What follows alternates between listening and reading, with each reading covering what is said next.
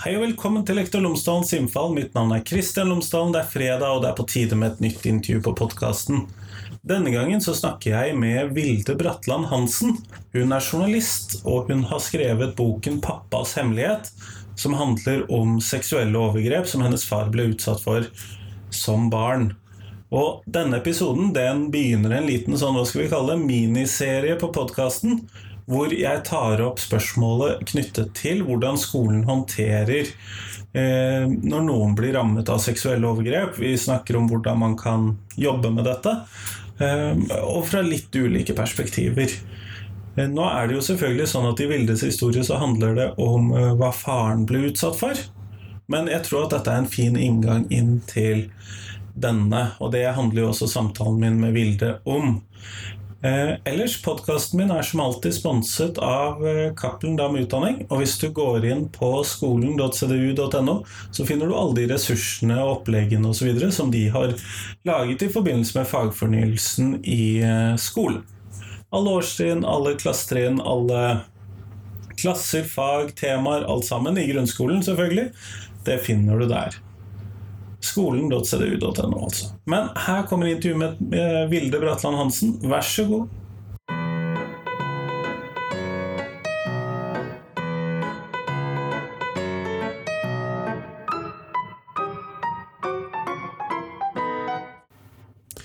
Vilde Bratland Hansen, tusen takk for at du har tatt deg tid til meg i dag.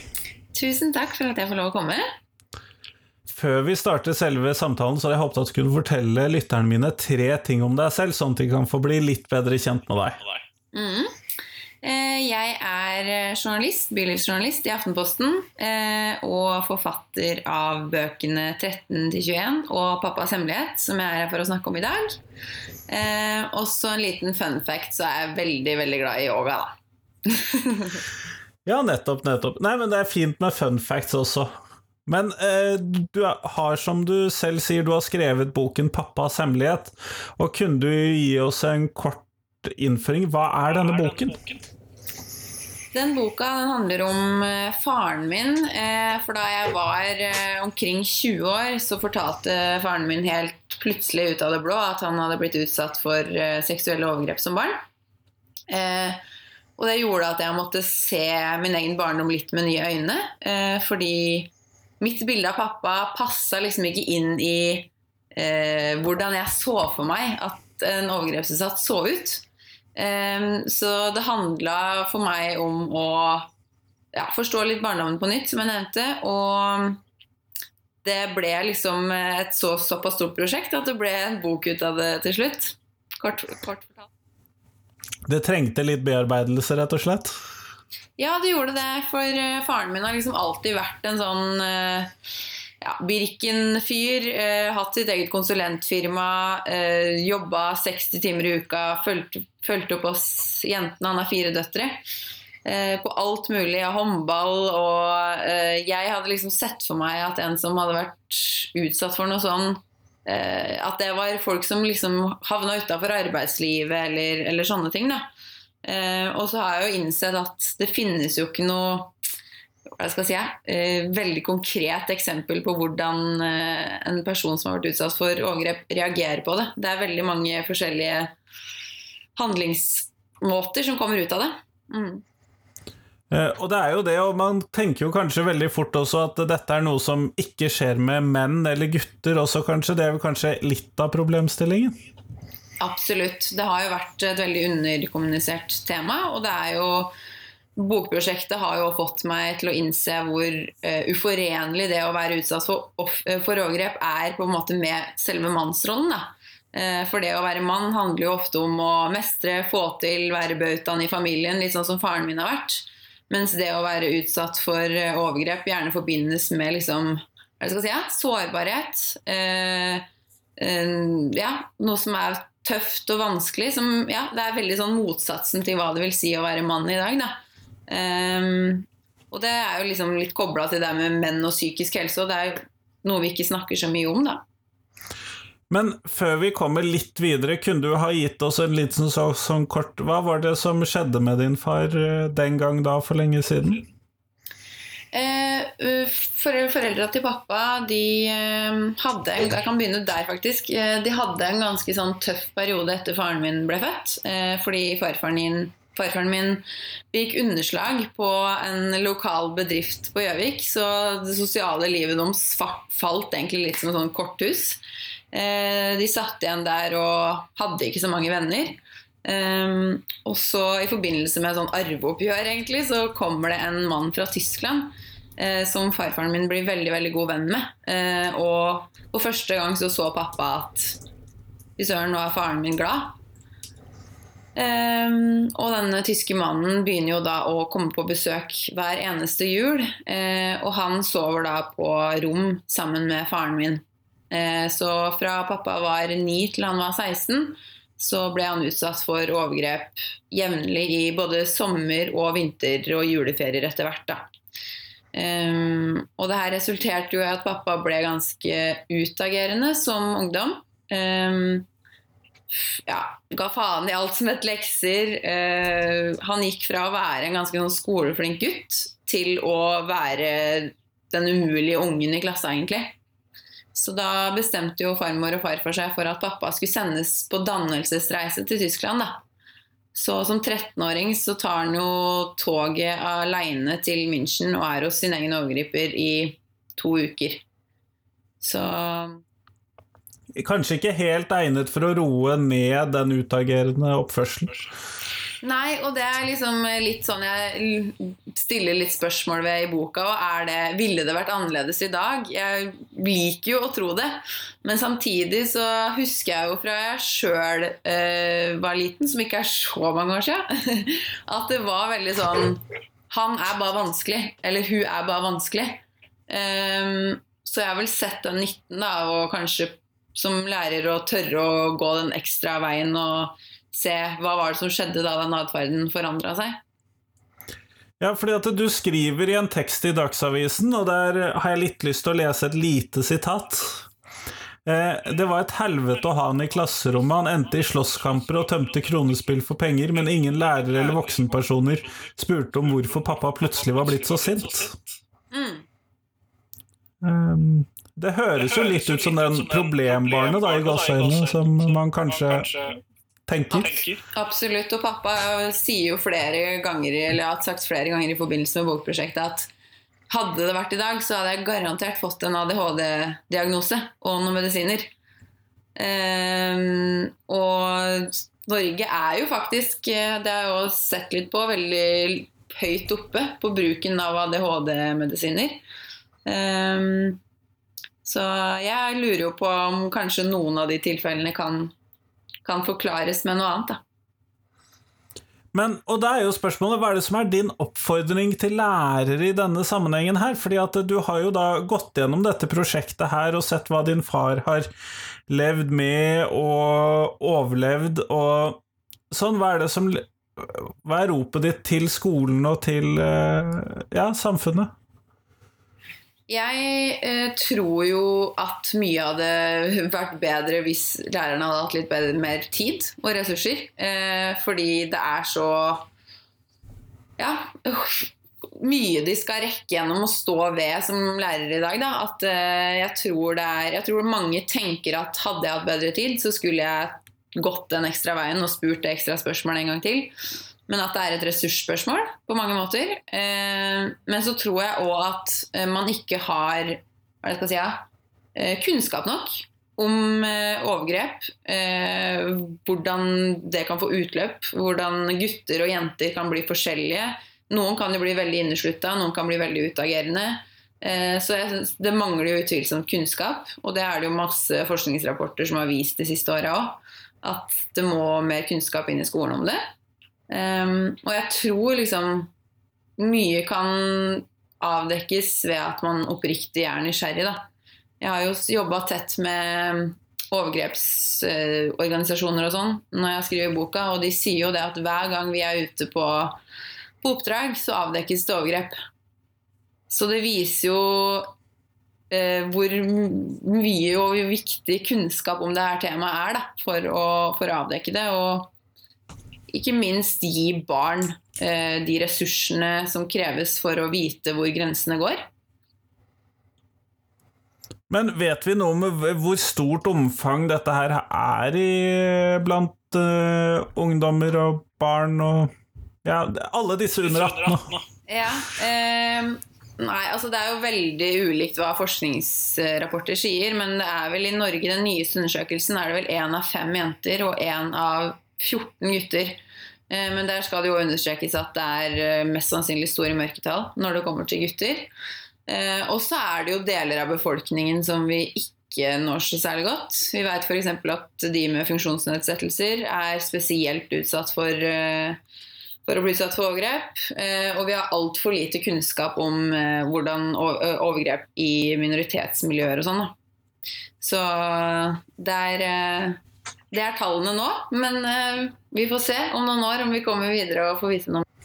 Men det betyr jo da at eh, hvis vi da går inn da i det Går inn i mitt klasserom, eller klasserommet til nær hvilken som helst annen lærer, eh, så kanskje særlig i disse obligatoriske skoleårene, så vil det være noen som har vært utsatt for overgrep eh, i ung alder der. Mm, absolutt. Og det er jo sånn Pappa pleier å si det på foredragene vi holder. Jeg var sikker på at jeg var den eneste i Nord-Europa som hadde opplevd det her.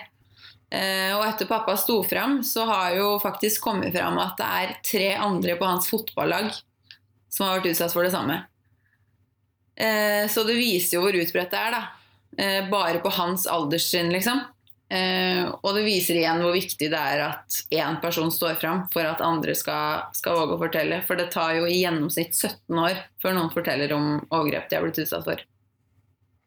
Ja, Hvordan var det når faren din første gangen eh, prøvde å fortelle om dette her? Eh, ut til noen andre enn bare dere i familien? Ja.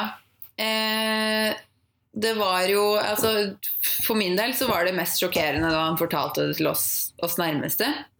Eh, og jeg reagerte veldig med at jeg ikke klarte å koble på følelsene. Uh, og det har jeg skjønt i ettertid at igjen det med at det var så mismatch mellom hva jeg tenkte om overgrep og hvem pappa var. Um, men min tilnærming til det var veldig sånn i hodet, da. At jeg måtte forstå hvorfor har han ikke sagt noe. Uh, hvordan kan han ha gått med det her så lang tid aleine? Eh, så jeg gikk veldig sånn intellektuelt til verks. Og det var jo sånn det ble offentlig, holdt jeg på å si. For jeg skrev en del eh, avisartikler på den tida. Eh, så jeg endte jo opp med å skrive om pappa sin historie i Side. Den debattspalten for ungdom. Og pappa sa jo ja til det, for han tenkte det er ingen som leser aviser lenger. så feil kunne man ta man da, Og det tok jo ikke lang tid før vi ble invitert på God morgen Norge. Og da pappa satt liksom på vei tilbake til Gjøvik etter det innslaget på God morgen Norge, så innså han jo hvor viktig det hadde vært da, at han hadde stått fram. Fordi det var jo menn i 70-80-åra som har gått og båret på lignende historier hele livet. Eh, og som nå for første gang hadde hørt om en mann som hadde blitt utsatt for det her, og som hadde våga å stå fram. da.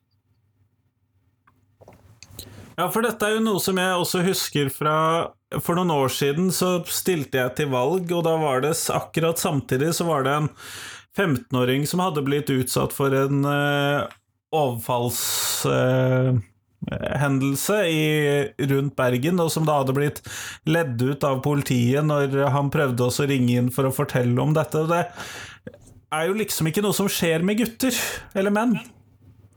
Nei, og det er det som jeg tror liksom eh, mange tror at det handler om fysikk. Eh, det er jo det pappa sier, at han har kjent mye av grunnen til at han ikke har klart å fortelle det, fordi han har kjent på skam eh, fordi jeg var jo sterk nok. Jeg tok jo 50 pushups da jeg var 13 år. Jeg hadde jo vært sterk nok til å stå imot, men jeg tror det er så viktig å formidle det psykiske eh, overtaket et overgrep handler om. da. Eh, for det her var jo en person som pappa hadde voldsom tillit til, som var god venn av farmor og farfar. Eh, og som behandla pappa som en Ja, han kom med gaver til pappa og var jo verdens herligste mann eh, når de ikke var på soverommet. Eh, så det er noe med å forstå det psykiske som ligger i, ja, i en sånn overgriperrelasjon. Og det gjelder jo også sånn i parrelasjoner mann-kvinne òg. Eh, bare det at menn skal liksom sosialt sett være fornøyd da, hvis de får seg et ligg. Mens eh, det er liksom mannen som er overgriperen. Eh, det passer ikke med mannen som offer på et vis. Og det gjør det veldig vanskelig for menn å stå fram og bli trodd og bli forstått. Og jeg har jo vært lest en sånn rapport om hvordan overgrepsutsatte menn opplever å være i kontakt med hjelpeapparatet. Og de har jo, mange har opplevelser med at de ikke blir trodd. Um, at de skal fortrenge det de har opplevd. Um, så det viser at det er en lang vei å gå. Ja, for de blir generelt sett ikke trodd når de forteller om denne typen uh, ting? Eller hendelser? Jeg tror det har blitt en bedring, fordi eh, det har vært mer fokus på det. Eh, særlig etter eh, Utsatt mann, en organisasjon som ble oppretta i 2010, tror jeg. De har jo hatt mye kampanjer knytta til det her. Det var bl.a. en liten sånn dokumentarserie på NRK. og så har vi jo hatt den friidrettssaken i Engerdalen. som har hjulpet mange med å komme fram. Så det er ting som er i ferd med å skje. Eh, men det er, eh, som med alle sånne sosiale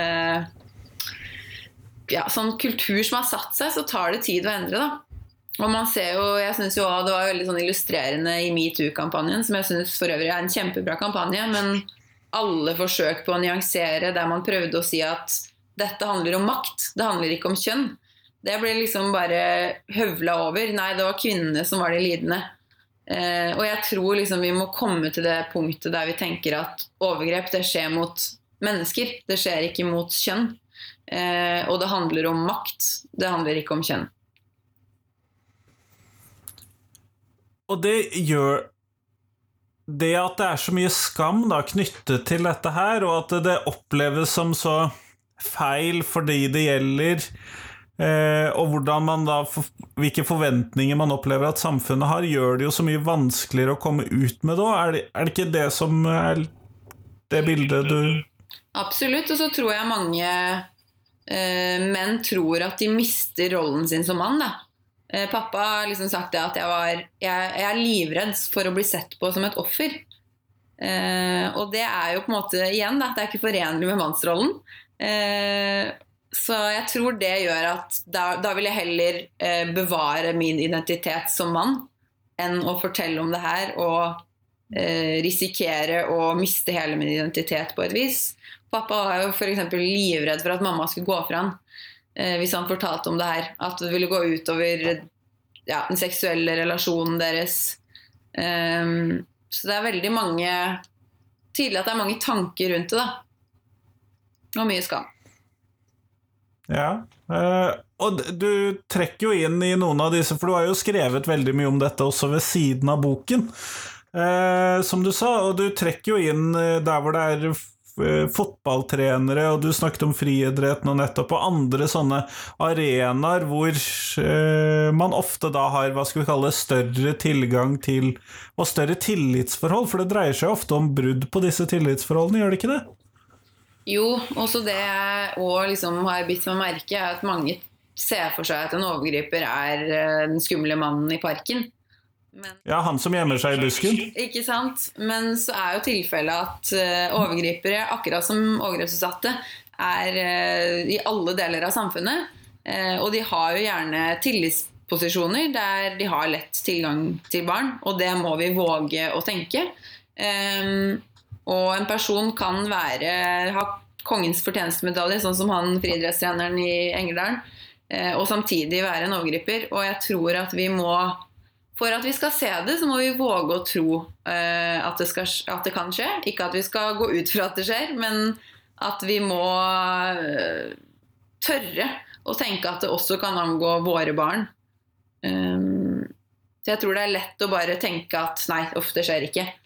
Men uh, statistikken viser jo at uh, det skjer altfor ofte.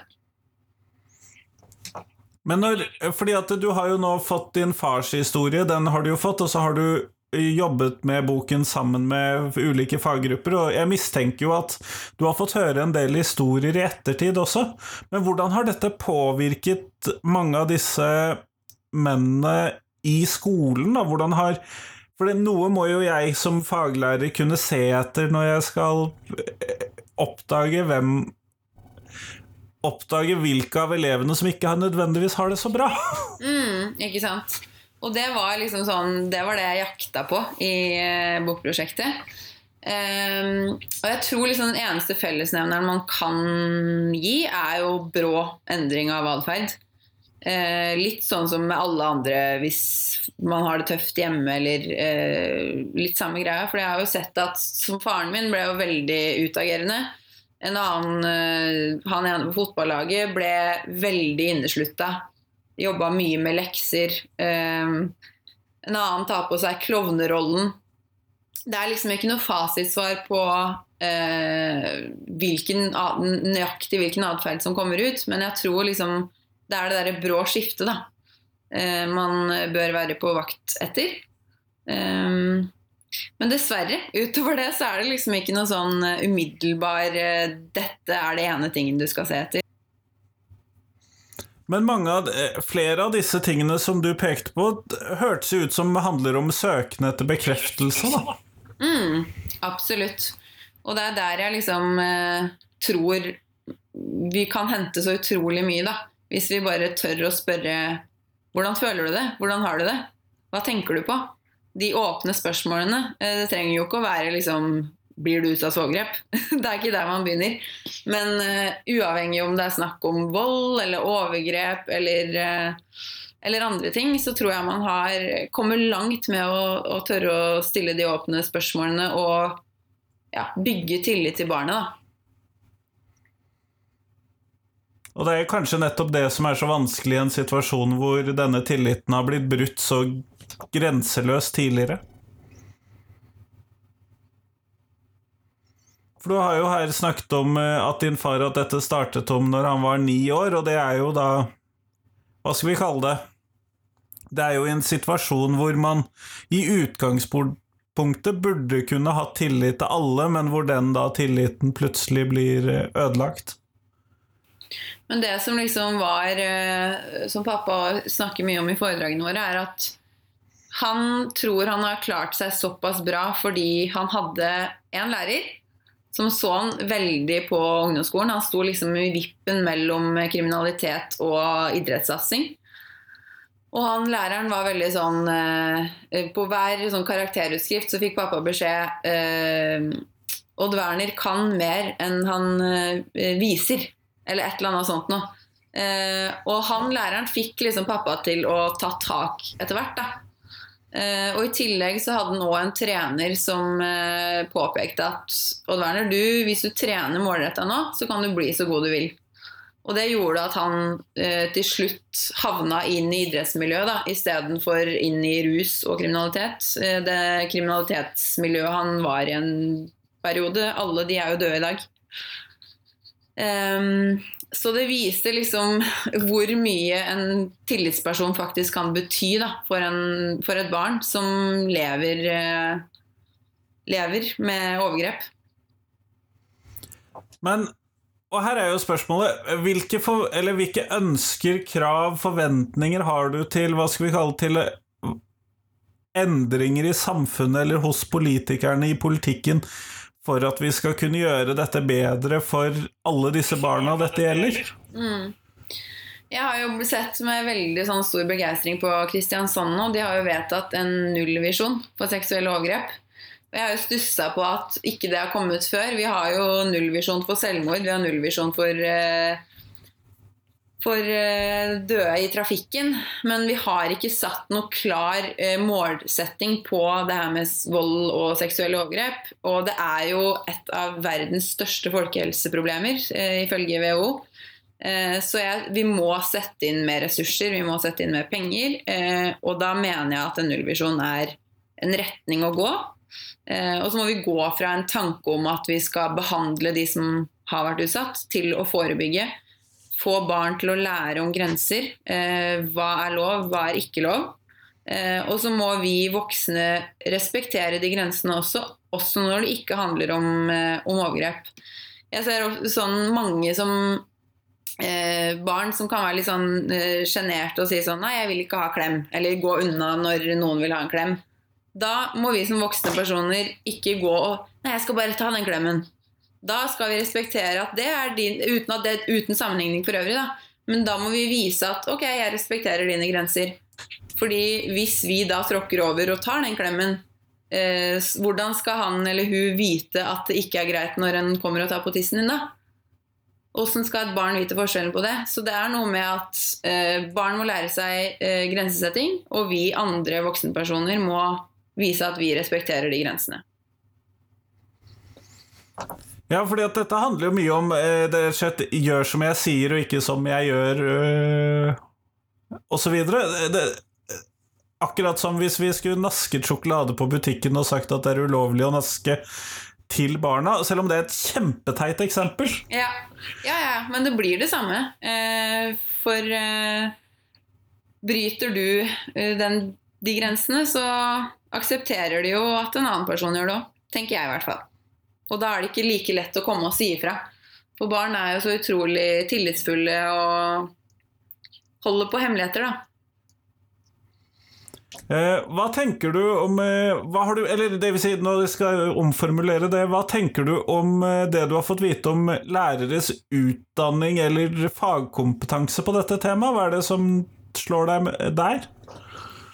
Eh, jeg må vel egentlig si at jeg er litt sjokkert over hvor lite Ja, hvor lite det er. Uh, og i min oppfatning er at de aller fleste lærere ønsker mer kunnskap om det, fordi de syns det, det er et tema som det er vanskelig å finne ord for og ha vokabular for. Hva- spør man om? Eh, Hvordan går man fram?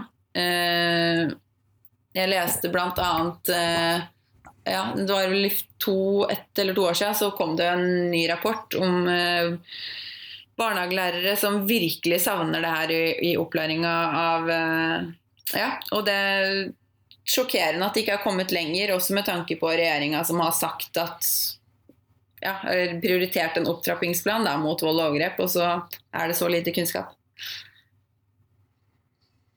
Mm. Jeg syns jo For jeg har i hvert fall aldri lært noe om dette i min lærerutdanning, da, for å si det sånn. Nei, ikke sant? Og det er jo uh, interessant. Du er jo en ung lærer òg, og jeg uh, kan jo heller ikke huske som øh, da jeg gikk på skolen sjøl, at vi hadde noe om uh, overgrep, egentlig. Det eneste jeg liksom kan huske at vi lærte litt om, det var overfallsvoldtekter, liksom. Ikke gå i en mørk park i Oslo aleine. Men det var veldig lite om tegn på tegn på overgrep, men også hvordan det er å være barn og pårørende av en person som sliter psykisk, altså det ja, etter overgrep f.eks. Så Og når det er et tema som angår så mange, så bør det også være noe skolen eh, prioriterer å, å lære både elever og lærerne i skolen om.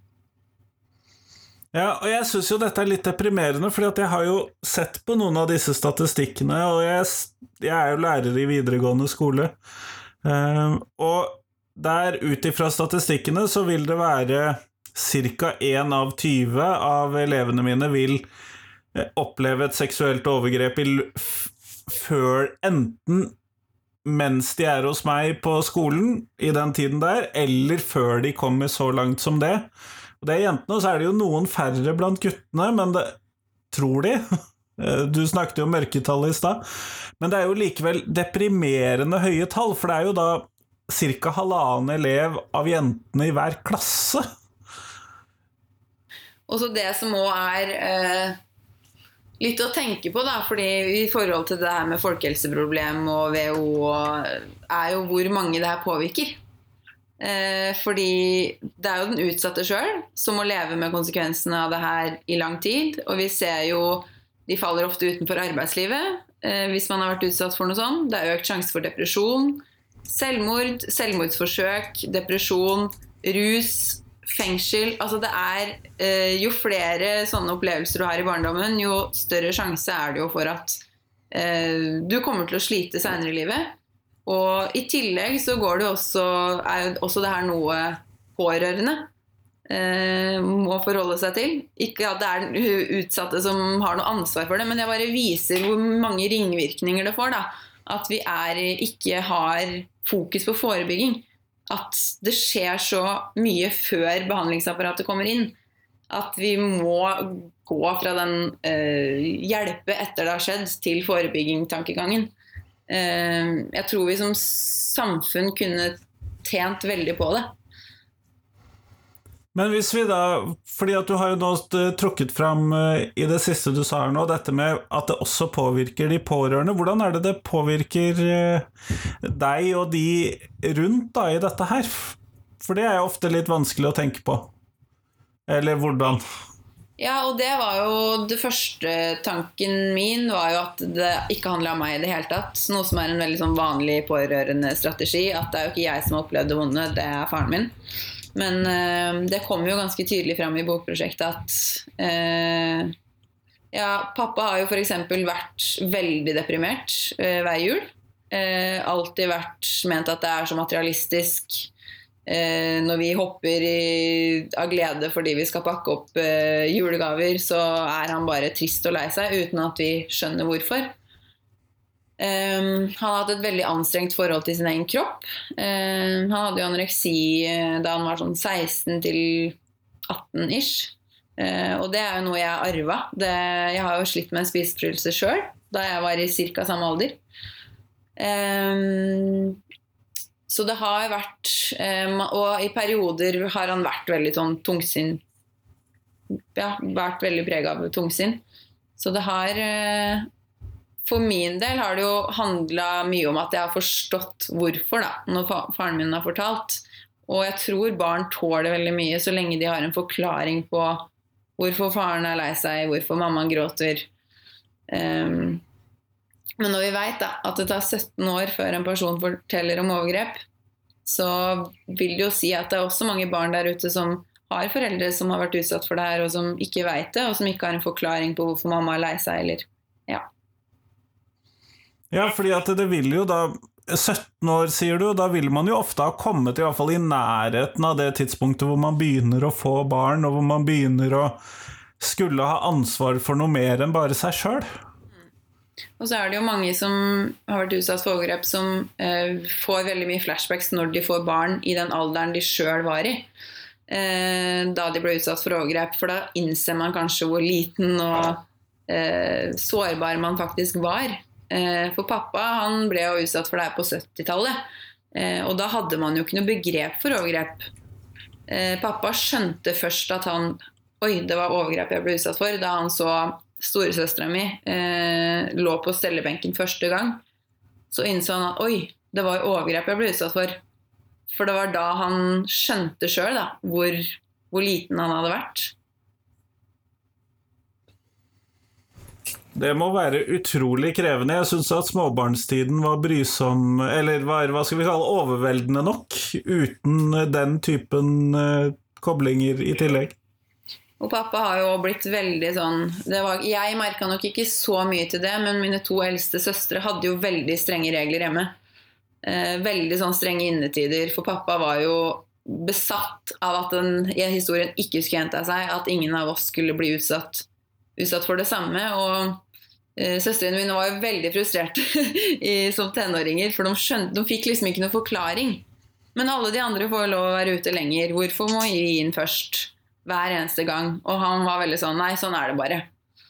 Eh, og nå, når, jeg, når vi veit hva pappa har opplevd, så gir jo det mening. Da klarer vi å forstå det. Og det er jo det Ja. Jeg tror vi mennesker har en sånn grunnleggende behov for å forstå ting, og spesielt barn. Fordi jeg tror at barn lager sine egne forklaringer hvis de ikke får en forklaring sjøl. Men hvilke råd har du å gi til lærere, da? For vi går jo litt mot slutten her, og jeg skal ha det siste avsluttende spørsmålet mitt sånn helt til slutt. Men sånn, hvilke råd har du til lærere som Ja, vi, vi møter jo antagelig disse elevene allerede nå, men hvilke råd har du til oss? Jeg tenker at hvis du er eh, har en mistanke om at et barn blir utsatt for det, så snakk med eh, lokale organisasjoner for, eh, som jobber med overgrep. eh, hvis du syns det er vanskelig å vite hvordan du skal gå fram.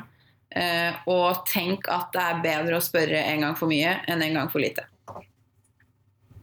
Det høres ut som veldig kurante råd som de fleste av oss bør kunne klare å leve med. Men hvis vi da skal ta det siste spørsmålet mitt, som jeg stiller til alle, hva er de tre viktigste tingene som skolen lærer elevene?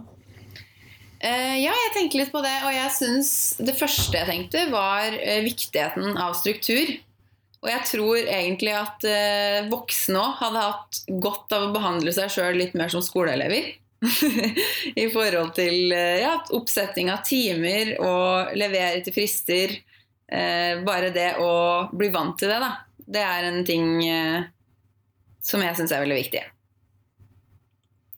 Eh, og så den andre tingen, det vil jeg si er eh, viktigheten av samarbeid. Eh, og det tror jeg bare blir viktigere og viktigere i det samfunnet vi lever i nå.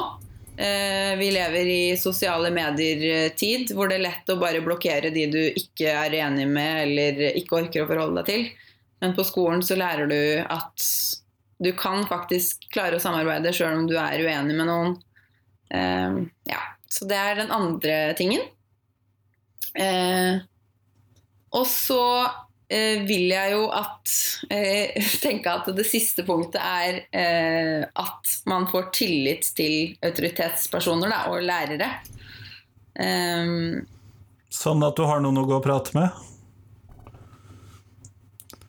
Det håper jeg at eh, vi, at vi, som lærere klarer å oppfylle. At vi både lærer bort den tilliten, og at vi klarer å vise oss tilliten verdig. Eh, tusen takk for at du har tatt deg tid til meg i dag.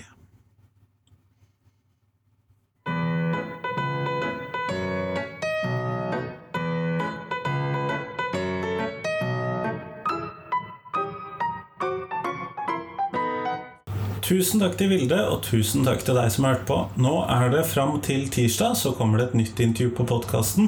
Og det vil handle en del om samme tema.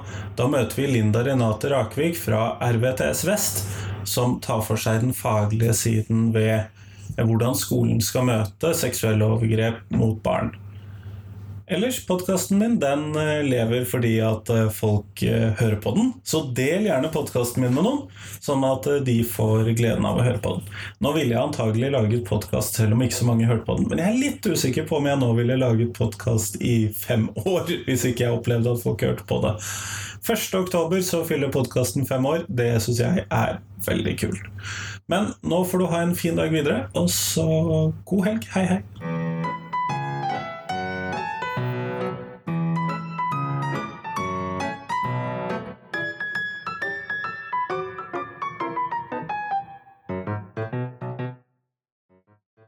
Husk at du kan gå inn på Facebook og finne Facebook-gruppen Lektor Lomsdalens innfall hvis du har lyst til å være med og diskutere norsk skole.